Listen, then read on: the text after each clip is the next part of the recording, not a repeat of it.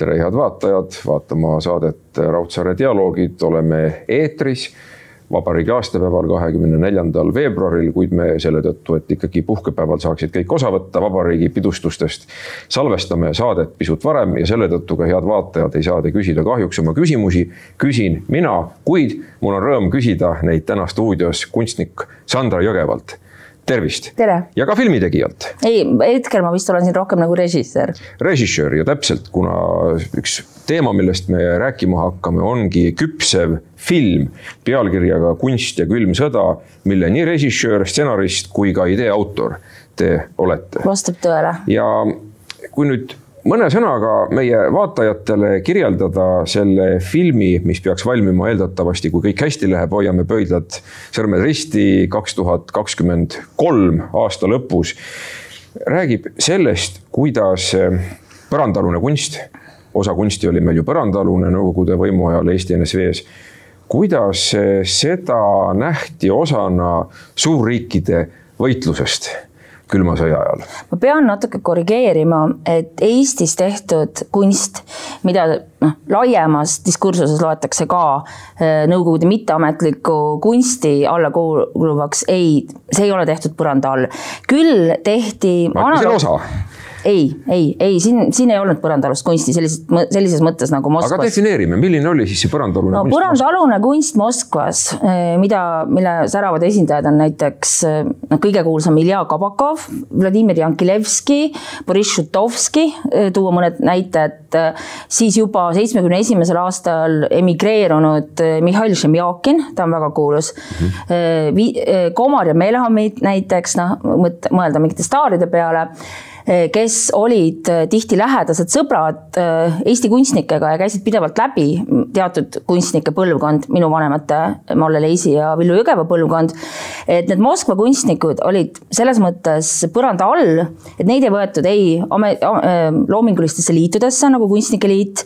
Nad ei saanud ametlikes näituse paikades esineda ja neile jäid kättesaamatuks väga paljud äh, nii-öelda professionaalsetele äh, kunstnikele noh, tol ajal osaks saanud privileegid, noh, kuna oli defitsiidi tingimus, äh, siis ei olnud võimalik isegi saada professionaalseid kunstitarbeid muidugi kuskilt noh, näiteks Tallinna kunstihoone keldris asuvast putkast, kus ma olen oma emaga käinud, et kus sai noh, kunstitarbeid. no peamiselt Nõukogude Liidus toodetud, aga mõnikord ka Hollandi värve, et, et noh, et, et sa ei saanud kunstimaterjale, sa ei Äh, sind ei võetud üldse ametlikult kunstnikuna, sind ei olnud olemas ja nad olid sunnitud tegema näiteks korterinäituseid, noh, nad ei, äh, noh, nad ei saanud, neid ei võetud ametlikult kunstnikena ja nagu ütles kunstnik Boriss Šutovski, kui ma tegin kunagi Eesti Ekspressi jaoks, ma loodan, et ma võin mainida siin Eesti Ekspressi. Pole probleemi. et äh, kunagi Eesti Ekspressi jaoks tegin intervjuu aastal kaks tuhat juba, siis ta ütles sellise lause, mis mulle väga teravalt meelde jäi, et äh, et väikerahvast oli nõu-, oli Nõukogude Liidus lubatud väga palju rohkem kui hegemoonrahvale ehk venelastele. et seega Eesti kunsti sellisel kujul ei kontrollitud ja need kunstnikud, kes tegid sellist nagu võib öelda avangardset või eksperimentaalset või uuenduslikku noh, mida iganes kunsti, et need Eestis, nad ei olnud põranda all. Neil olid, kui nad olid Kunstnike Liidu liikmed, neil olid ateljeed nad äh, võtsid osa ametlikest näitustest ja nad said osta sealt kunstnike, kunstihoone, keldri, putkast pintleid ja värve. Et oli küll inimesi, kes ei kuulunud Kunstnike Liitu, näiteks nagu Raul Meel, aga tollal oli väga range kriteerium pigem see, et sa ei saanud olla äh, kunstnik Nõukogude Eestis, kui sul ei olnud kunstikõrgharidust. et pigem näiteks Raul Meele puhul ma olen aru saanud oma vanemate juttudest, oma isa mälestustest, et see oli takistus Raul Meelest me kindlasti ka saame veel rääkida tänases saates, aga ma arvan, et enne kui me vestlusega edasi läheme, oleks mõistlik vaadata osa Eh, valmima filmi treilerist, kuna seal on ja vabandan kohe vaatajate ees, et eh, on tõlkimata osa venekeelset ja ingliskeelset juttu, kuna seda treileri algul on natuke rohkem, siis me lõikasime ära sellest minut kaheksa sekundit ja jätsime järele selle osa, mis algab Arrakuga. aga ka see annab juba päris hea ülevaate sellest. ja ka ülevaate, millised Eesti kunstnikud, kes on praegu armastatud klassikud, eh, sellesse Nõukogude mitteametlikku kunstiskeenesse tegelikult kuulusid ja noh. Laapin, Arrak, Vint, Meel, need minu ema, Malle Leis kindlasti. Ehm, mm, noh, Aili, Mare Vint kindlasti, kes mul rääkis, kes on kahjuks meie hulgast lahkunud. Ehm. aga vaatame, vaatame seda paari minutit valmiva filmi treilerist. Oma töid sai välismaale saata tol ajal mitut moodi. üks nõks oli selline, et sõbrad väliseestlased võtsid kaasa ja panid seal näiteks Soomes posti ja ma olen isegi graafikat nii saatnud eh, kuskile biennaalele, et, et plakatite vahele paned. ja siis meil oli kohe varutud selleks igasugu Lenini ja niisuguseid poliitilisi plakateid. plakat on ametlik, eks ole, paned sinna vahele, keerad rulli trükitööd kirjutad peale, eks ole. ja siis nemad saatsid Soomest juba äh, igale poole maailma laiali, noh, biennaalidele, triennaalidele meie graafikat. Первый раз я был на допросе 16 лет, меня исключили, чтобы я не оказывал дурное влияние на своих однокашников. И мне было сказано двумя сотрудниками КГБ, э, что вы никогда не будете больше учиться ни в одном заведении советском.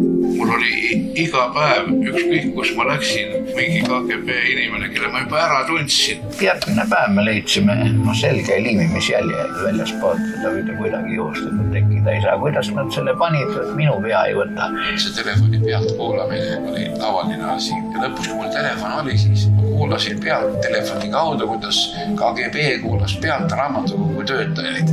Raul tuli selle saatkonna teise sekretäriga, ma siis laulsin, ühtegi saba ei ole järgi, eks ole.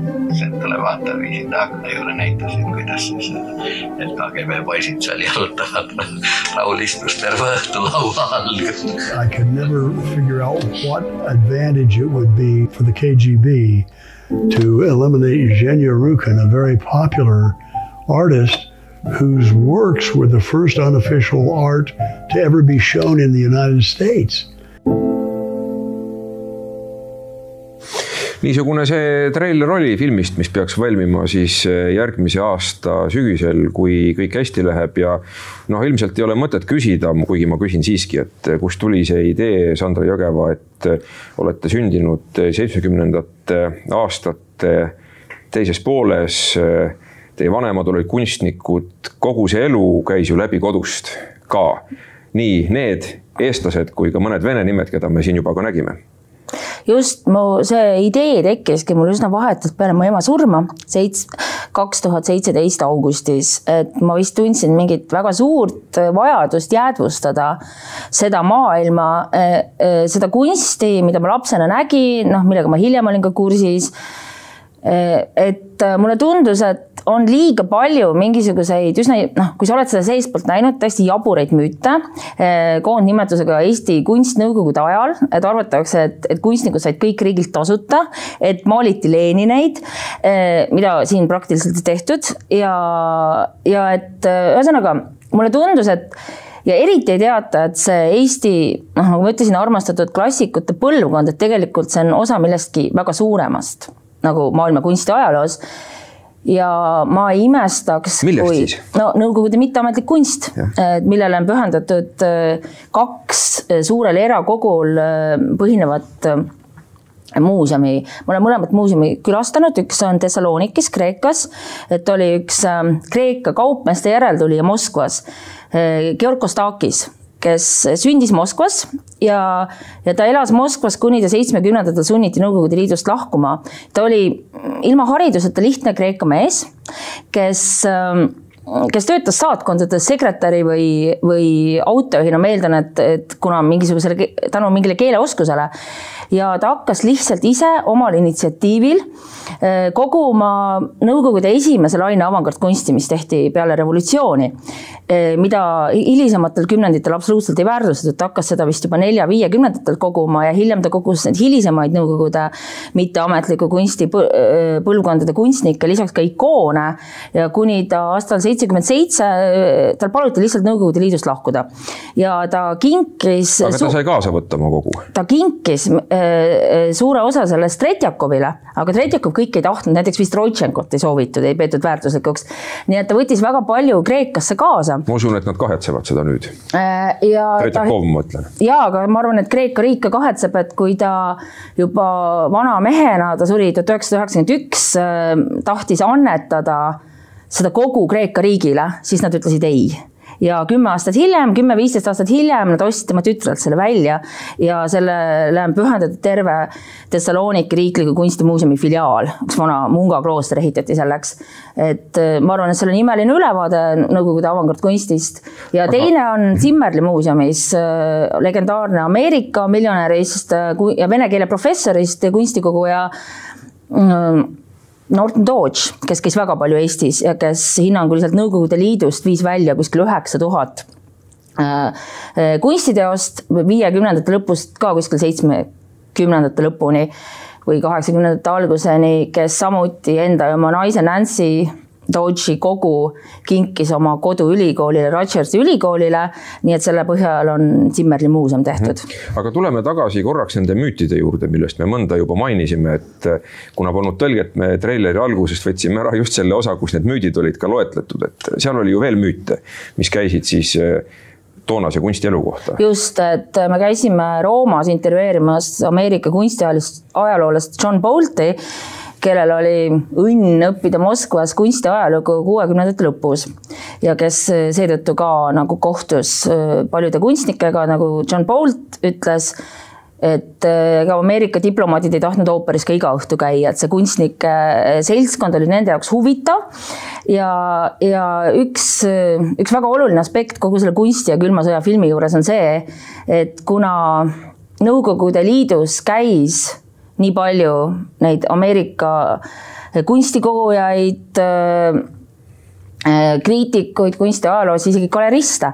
et mu emal oli, oli seitsme-kaheksakümnendatel Ameerikas oma galerist, nii et tal oli väga suur näitus Pittsburghis. aga see on ses mõttes huvitav, et kui ma intervjueerisin ajakirja Favoriidi jaoks üheksakümne kolmandal aastal Raul Meelt, siis eh, sellest intervjuust tuli välja fakt, et seitsmekümne teisel aastal, nagu ta väitis, sügisel keelasid Nõukogude võimud kunstiteoste saatmise välismaale. ilmselt see uuesti leevenes ühel hetkel.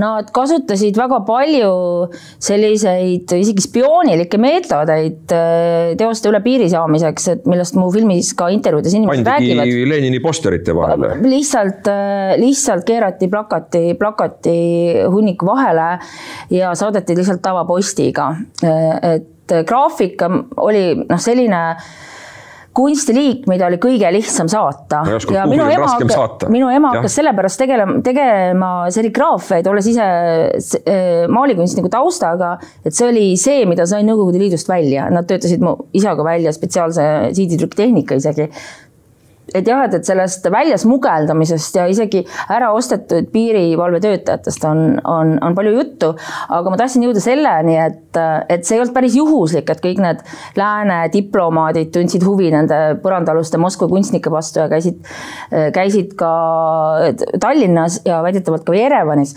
näiteks kunstnikega kohtumas nende ateljeedes, et see tegelikult ei olnud päris juhus, et see ei olnud ainult kunsti huvi, vaid on vägagi elujõuline teooria et äh, Ameerika Ühendriigid ja CIA nägid selles ähm, mitteametliku kunsti toetamises ähm, põhimõtteliselt võimalust toetada ka äh, vastupanu liikumist Nõukogude Liidus. et, et nad tegelikult, need Ameeri-, ei tohi unustada, et need Ameerika saatkonna töötajad olid tegelikult spioonid. samamoodi nagu on palju räägitud, et, et Nõukogude diplomaadid äh, välisriikides ja ÜRO-s, et nad olid tegelikult spioonid, samamoodi oli vastupidi, et ma olen käinud ühe sellise luureohvitseri või, või ütleme, et spiooni juures teda intervjueerimas Colorado's, ta on pensionil. Ja noh, ta rääkis, ta rääkis, kuidas ta tegi märkmeid vees lahustuvale paberile, kuidas tal olid salakaamerad, et kuidas, et kuidas ta oli õppinud äh, fotosid tegema niimoodi, et ta ei võtnud kunagi fotokaamerat nagu välja või oma silma ette, et ta tegi seda kuidagi salaja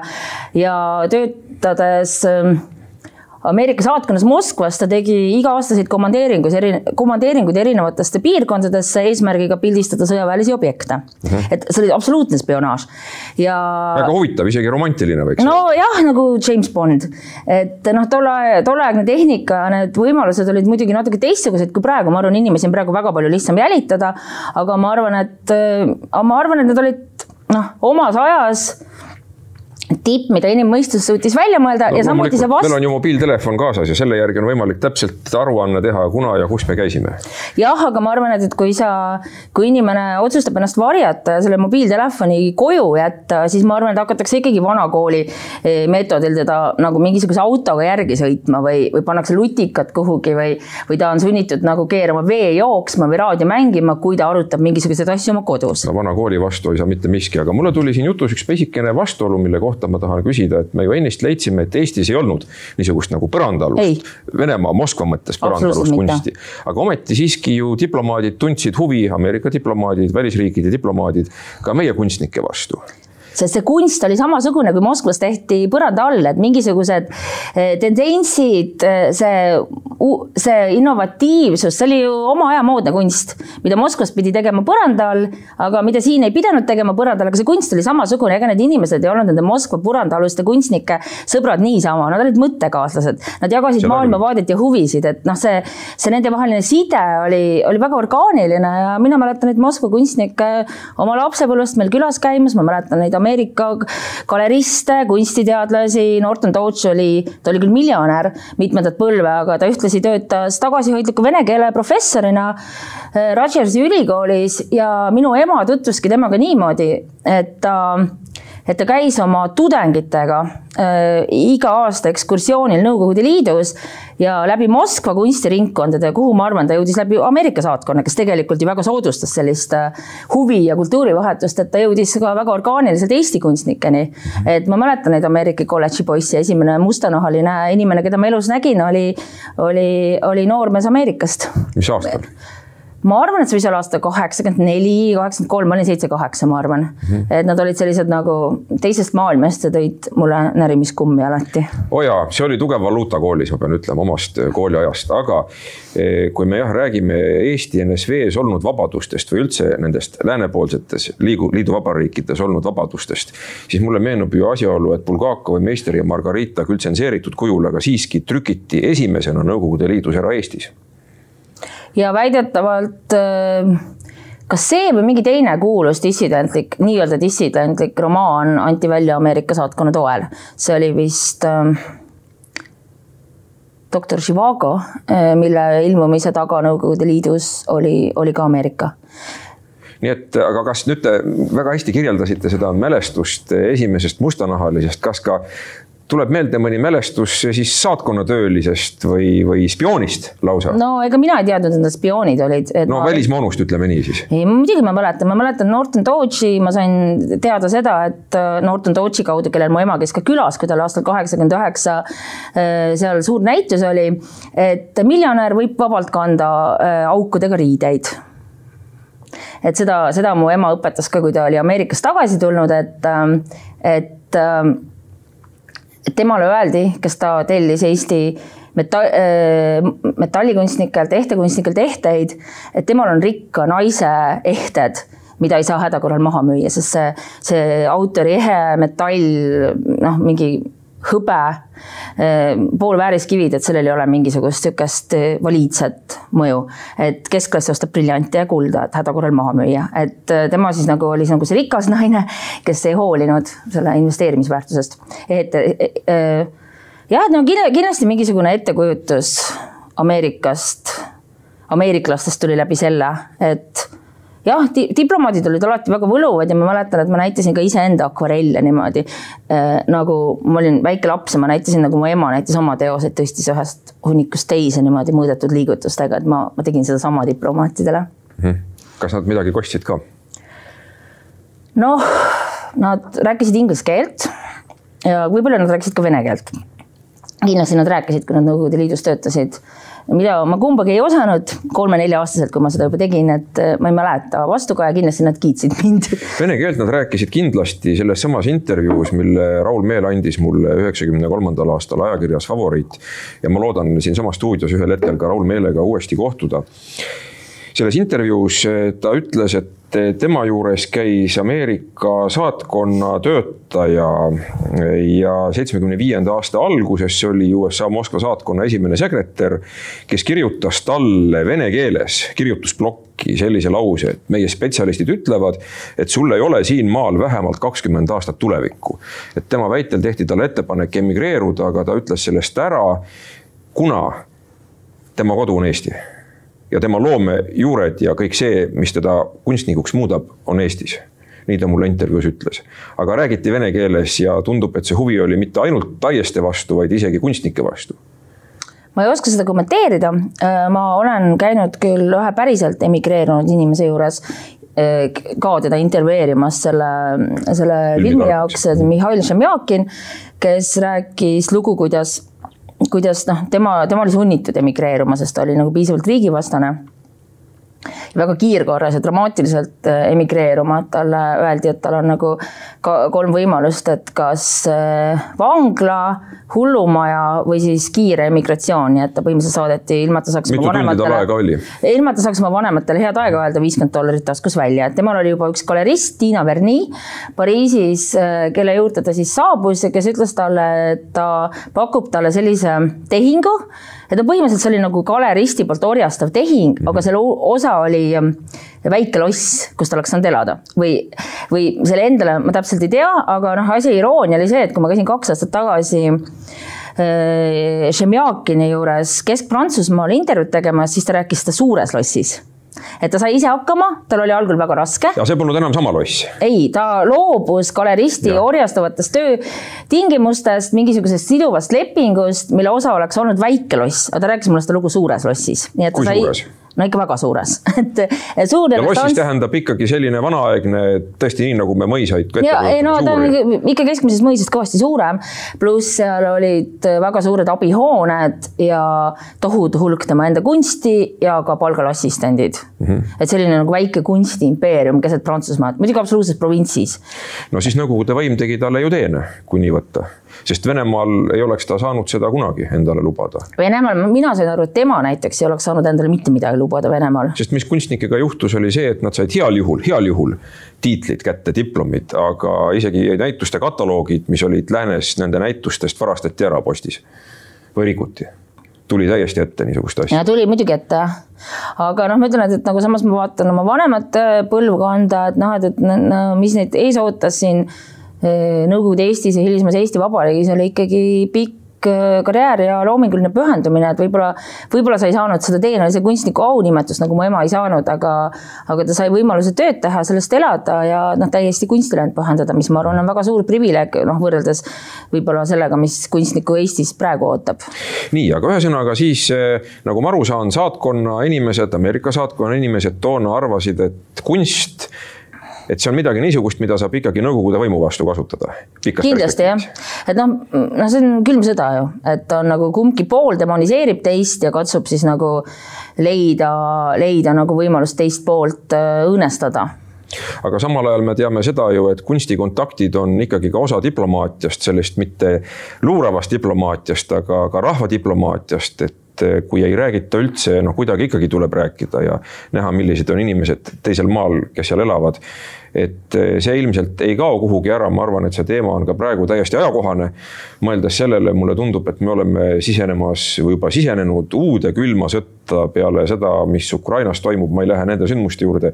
see ei ole tänase saate teema aga kui me läheme tagasi sellesse esimesse külma sõtta, siis eh, noh, minu arusaam, isiklik arusaam on selline, et ega need kunstnikud, kes ka Eestis tegutsesid, ei olnud niivõrd teadlikult Nõukogude võimu vastased, vähemalt mitte alati, vaid nad olid pigem ikkagi vabad hinged, nad tahtsid teha sellist kunsti, mida süda neil käskis.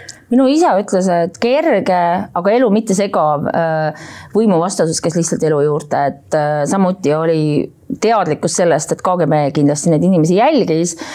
ma tean oma vanemate juttudest ja isa memuaaridest, mida kahjuks ei ole veel avaldatud, seda, et alati, kui käisid väliskülalised, need võisid olla ka mitte ainult Ameerika galeristid, lääneriikide diplomaadid, kunstikogud, nad võisid olla ka näiteks Soome üle ajakirjanikud, siis alati olid teatud autod maja ees, nende väliskülaliste autosid jälitati. Oli ka lutikas nii-öelda ehk siis nagu mikrofon. eh, üheksanda korruse akna taga, et, et, et kõik teadsid, et neid jälgitakse. kuidas ta sinna ilmus sinna akna taha? Mm, ma olen küsinud inimestelt, ma olen seda filmi tehes ka konsulteerinud nagu luure ja kaitsespetsialistidega ja noh, tänapäeval on avaldatud arvamust, ma olin siis beebi olnud, et arvatavasti tegelikult tehti uks lahti ja, ja tuldi sedakaudu, et mitte, mitte üheksanda korruse. ei olnud tõstust ega redel. et no arvatavasti oli lihtsalt nagu tuldigi sisse ja pandi see nagu rõdu kaudu. et aga, aga ma ei mäleta, et seda oleks võetud ka väga valulikult, et sellest oldi teadlikud. see kuulus asja juurde. aga seda jah, nagu et eh, noh, vähemalt Eestis ei olnud mingisugust ähm, hullu diskrimineerimist. võib-olla sa ei saanud äh, välisreisidele nii kergelt, mis oli siis tohutu, tohutult hinnas äh, valuuta aga noh, põhimõtteliselt sa said oma elu elada ja, ja kunsti teha, et ma tõesti ei tea Eesti kunstis mitte ühtegi nime, kes oleks olnud tõeliselt põrandaalune, tagakiusatud, kes oleks loonud oma äh, kunsti nagu noh, salaja, mitte äh, eksponeerides ja kuskil, ma ei tea, katlakütena tööd tehes, sest see inimene oleks raudselt avastatud pärast aastat tuhat üheksasada üheksakümmend üks, sest sel ajal oli väga suur lääne huvi Nõukogude mitteametliku kunsti ja selle vastu ka, mis hiljem. sealhulgas meie kunsti. ja meie kunsti vastu ka, et mis siin tehti, sest noh, seda inimest ei ole, seda kunstnikku ei ole, meid on liiga vähe. see aasta, see võib-olla see rahvaarv on liiga väike, võib-olla need tingimused kunstnikuna ükskõik millist ka sellist uuenduslikku kunsti teha olid, olid piisavalt normaalsed nii-öelda, et jah, et, et sellist äh, päriselt põrandaalust kunstnikku meil siin ei ole mm. -hmm. selle filmi jaoks te olete palju saanud ringi sõita, loomulikult suuresti enne koroonat. kahjuks küll, jah Eh, jah, mis on ka ju venitanud kogu seda protsessi praegu, et kolm korda Ameerikas, Inglismaal, Londonis, Thessalonikis, Kreekas, kus on muuseum, millest me juba rääkisime, Roomas, Kesk-Prantsusmaal ja noh, ma saan aru, et tuleb ju sõita veel aga. võib-olla tuleb distants võtta Venemaaga, et Aha. Venemaa poolt on natuke puudu, aga ma ei näe erilist võimalust minna Sinna... näiteks sellel suvel Moskvasse kahjuks. ma kardan, et läheb üha keerulisemaks see sõitmine, aga mm., aga mida te olete nüüd teada saanud, kui me rääkisime natuke nendest müütidest ja, ja teesidest, mis siin olid, et aidata nii-öelda kunstnikke seeläbi aidata Nõukogude Liitu seestpoolt õõnestada.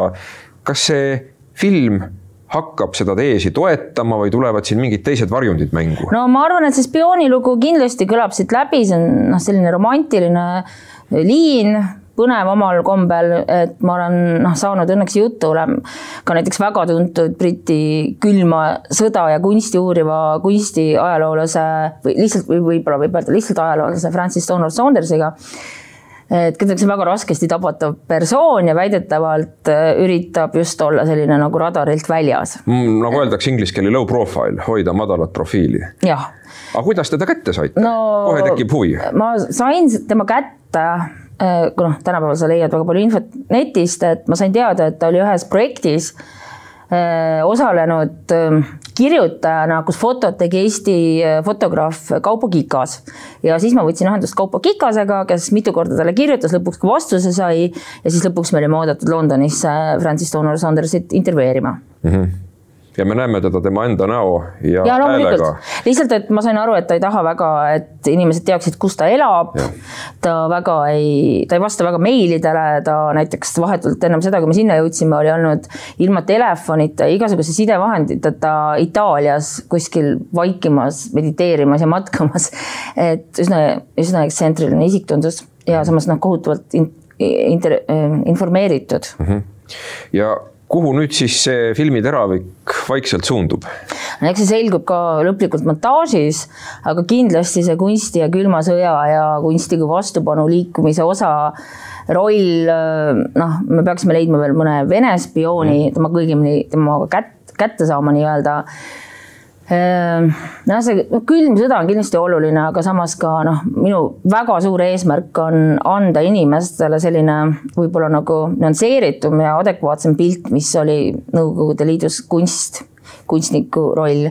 Ja noh, eriti ma arvan, on see vajalik ka noh, Eesti rahvale, et, et sa tegelikult saad aru, et need just nimelt need armastatud klassikud, kelle hinnad on praegu tippu läinud kunstioksjonitel, ma ei tea, Laapin, Arrak, väga paljud teised, et nad olid osa millestki väga palju suuremast ja nad on noh, võib-olla ainus osa Eesti kunstiajaloost, mis on nagu maailma kunstiajaloos kuidagi sidusalt äh, nagu esindatud millegi suurema osana. ja noh, loomulikult äh, see aeg oli, ma arvan, päris hea, et olla kunstnik.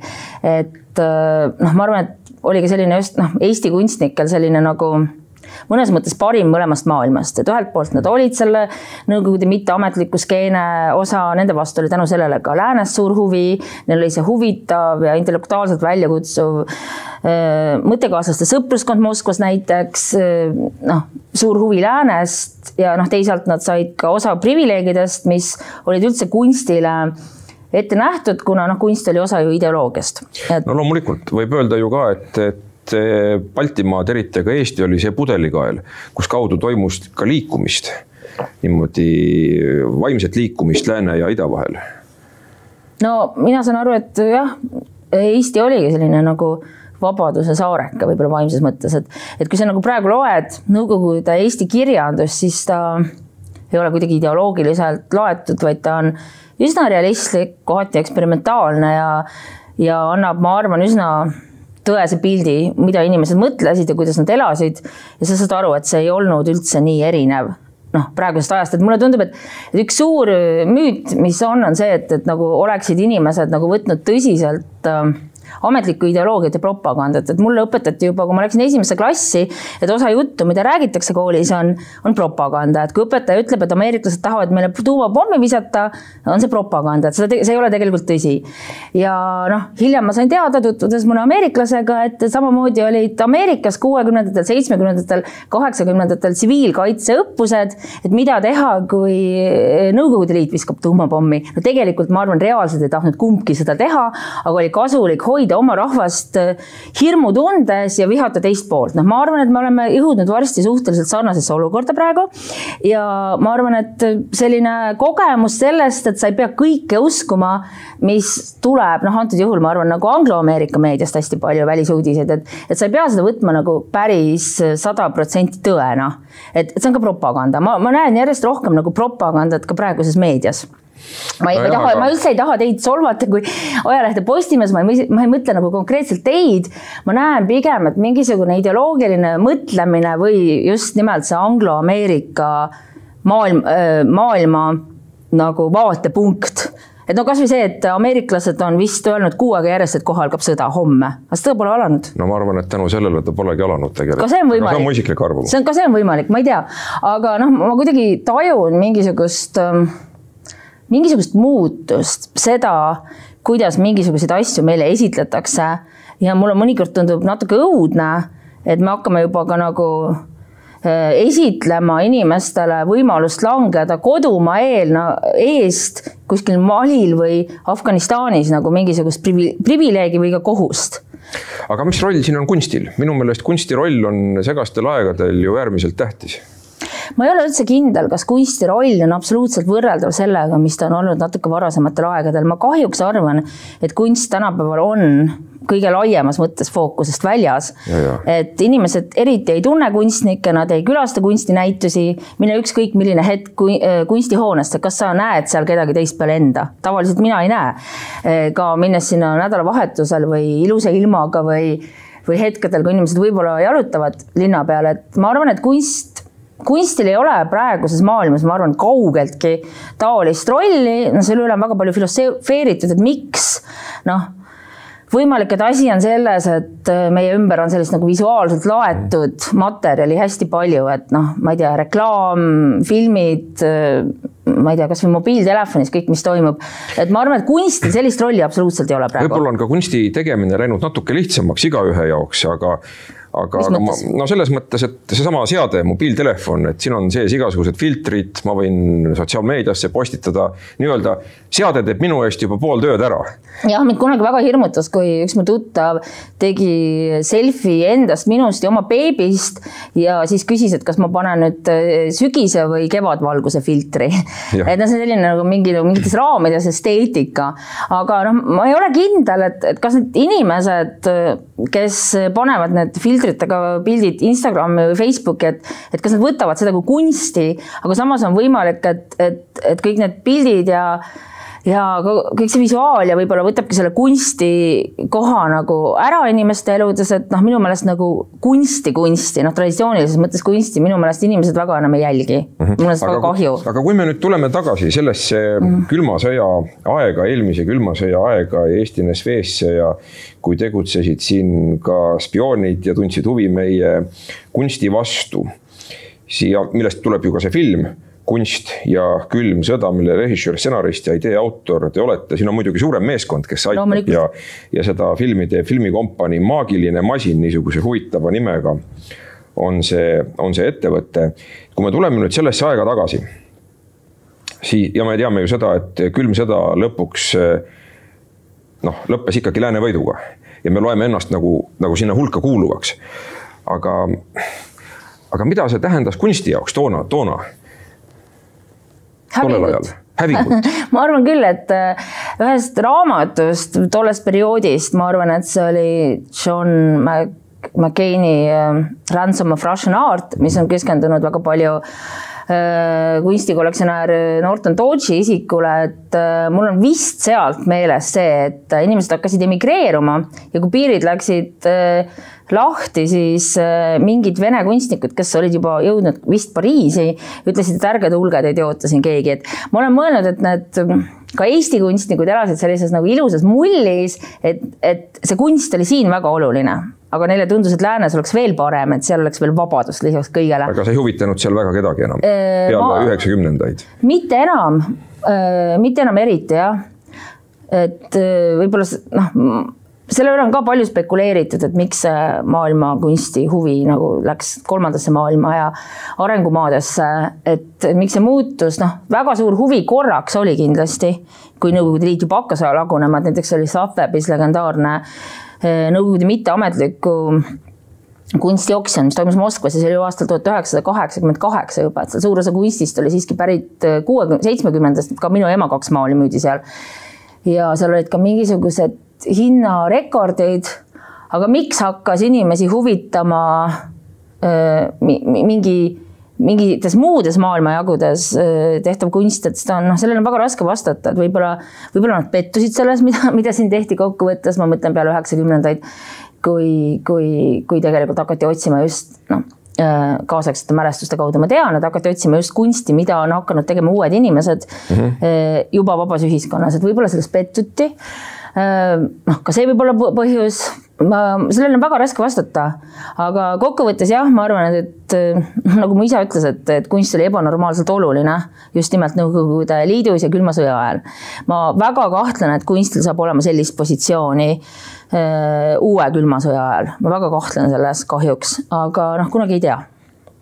Ja tõepoolest, lihtsalt vahendeid on praegu niivõrd rohkem, inimeste võimalusi on rohkem ja ma loodan, noh, mis ma loodan, elu näitab tegelikult, kuidas, kuidas see kõik läheb, kuidas see kunstiga läheb, aga ma siiski, siiski ma loodan, et eh, kunst ei kao meie elust, vaid ta võib-olla otsib uusi vorme, avaldumisvorme, viise, kuidas meiega kõneleda, aga inimene ikkagi otsib sellist eh, ma kasutan nüüd väga peent sõna, transcendentaalset eh, kogemust, mis on suurem kui tema ise No ja kunst on see, mis seda pakub, et mulle väga meeldib, mida ütles intervjuus Raul Meel, eh, viidates sellele, mis ta on kirjutanud aastal tuhat üheksasada seitsekümmend neli. oleme samast materjalist, millest tähed, mitte koolon, tähed on nii nagu, nagu meie. väga poeetiline ütlus no poeesiale ei saagi vastu vaielda. jah, ja noh, meile tuleb ju meelde ka see Majakovski luule, kui nüüd ma õieti tsiteerin teda mälu järgi, et kui tähed süüdatakse, tähendab, neid on kellelegi vaja. mida on Rosta Aknad ja Peter Volkonski väga suurepäraselt eh, eestindanud. nii et eh, võidakse süüdata nii täht kui ka ülekantud tähenduses inimene, kunstnik ongi see ere täht ju, kes siis särab meile ja seda, seda transcendentaalset või inimesest suuremat äh, kogemust pakub. ja mida kahtlemata tollel ajal meile kunstnikud pakkusid, kui elu oli hall, porine, enam-vähem sama lopane nagu praegu veebruarikuu väljas, aga siis oli kogu aeg hall, hämar, pime, kaupu ei olnud. ja noh, kogu see elu oli selline ikkagi natuke rõõmutu. Kuigi last, lapsepõlv on tore iseenesest, ma ei oska öelda, mul väga huvitava vaatenurga andis äh, filmiprodutsent praegune Ilmar Taska, kes, äh, kes suhtles ka nende mitteametliku kunstiringkondadega Moskvas, ta õppis vist äh, filmikriitikuks. Ja ja tema ütles, et inimesed tollal lõid oma peas sellise ideaalse lääne.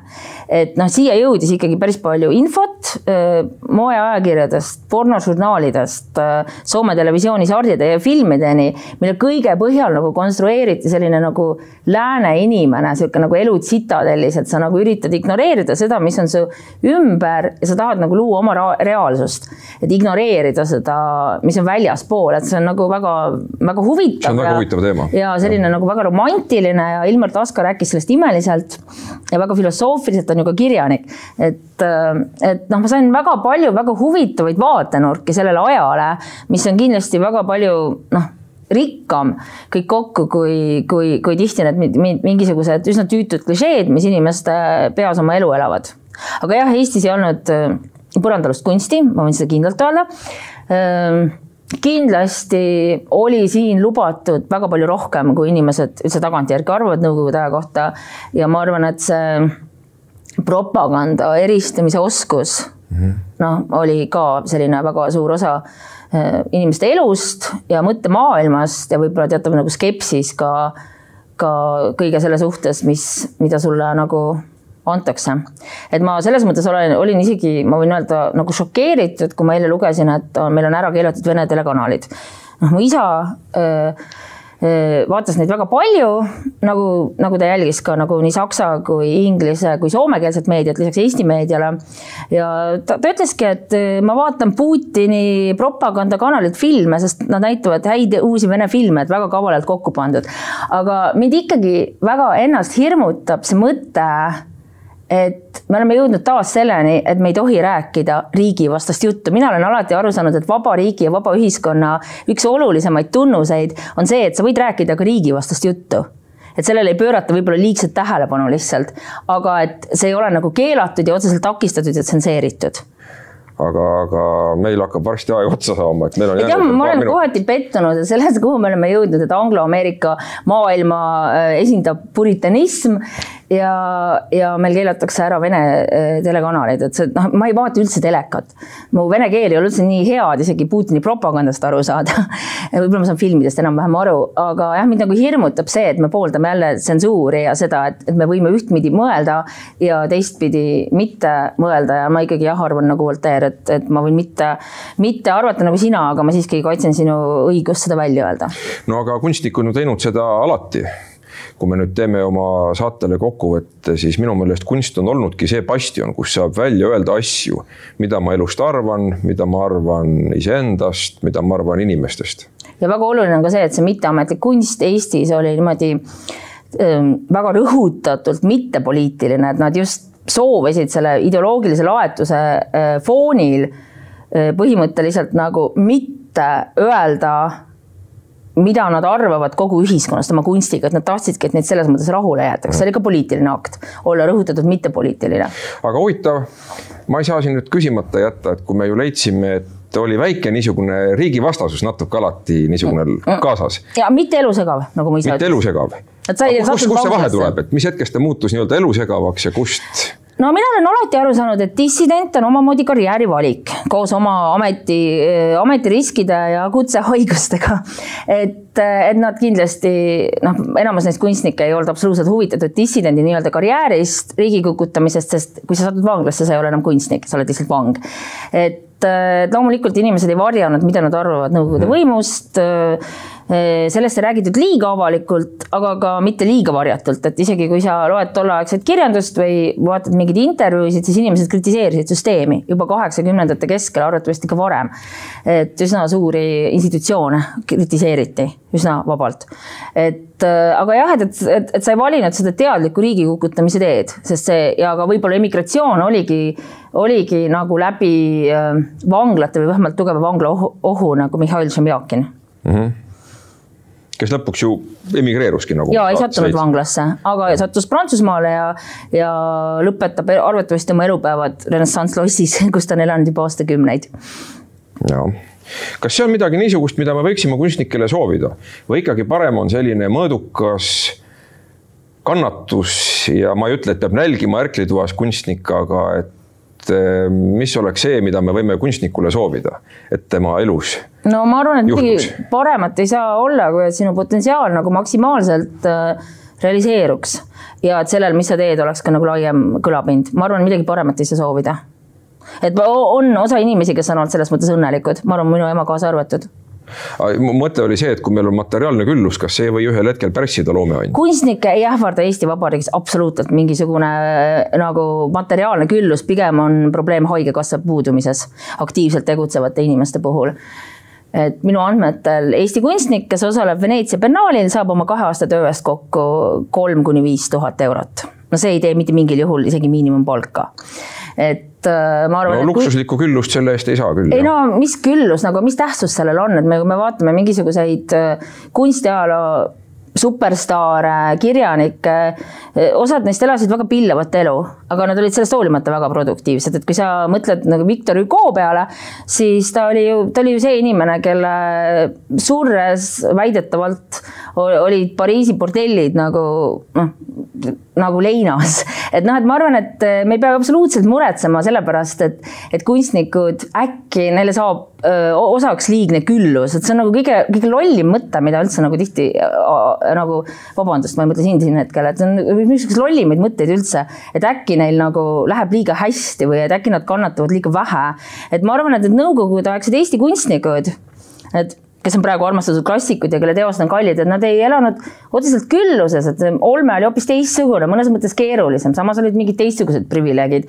ja ma arvan, et inimene ikkagi realiseerib oma potentsiaali, kui ta ei pea liiga palju muretsema nagu ma ei tea, kommunaalarvete peale või, või kust ta, kust ta saab raha, et oma lapsi koolitada, et noh, et, et ma ei tea, mu ema elu üks prioriteete oli maalida, ta üks viimaseid selgeid sõnu oli, et tahaks maalida ja noh, ta sai seda teha ja mina arvan, et, et see on jah, suurim privileeg, mis sul võib kunstnikuna olla. sa saad realiseerida oma potentsiaali ja selleks ei ole kindlasti vaja inimestele puuduvat haigekassat ja, ja probleeme elektriarve maksmisega. ma arvan, et see on nagu absoluutselt vastupidi. et millegipärast ju need renessansi aja metseenid oma lemmikkunstnikel olid head tingimused, mitte nad ei pannud neid kannatama, et noh, kes arvad, et nagu tööline töötab paremini, kui tal on, kui tal on külm või, või, või ta on õnnetu või juba Henry Ford sai aru, et, et, et, et parem on, kui tema vabriku töötajad saavad osta tema, tema autosid jah, ma olen nõus sellega, et resümee võiks olla, et õnnelik on kunstnik, kes saab teha kunsti nii, et ta ei pea muretsema oma toimetuleku pärast igapäevaselt. ja no loomulikult on vaja ka publikut, et noh, ma arvan, et mida see külma ja kunstisõja filmi nagu see Ameerika või lääne osapool, kasvõi need spioonid, kes külastasid kunstnike ateljeesid, et äh, mida nad neile kunstnikele, kes oleksid muidu olnud täiesti nagu põranda all ja põlu all, mida nad neile pakkusid, oli tähelepanu ja publik. just, aga jõudu selle filmi pealkirjaga Kunst ja külm sõda lõpetamiseks, Sandra Jõgeva, aitäh selle huvitava vestluse eest, mis ma usun, paneb meid natuke mõtlema elu ja kunsti omavaheliste seoste üle, et eh, kunst on väga kestev, elu võib olla lühike, aga see ei tähenda, et me peaksime elama elu nõnda, et me ei ürita olla osa kunstist võib-olla see võiks olla niisugune mõttekoht. aitäh, kohtume nädala pärast. aitäh.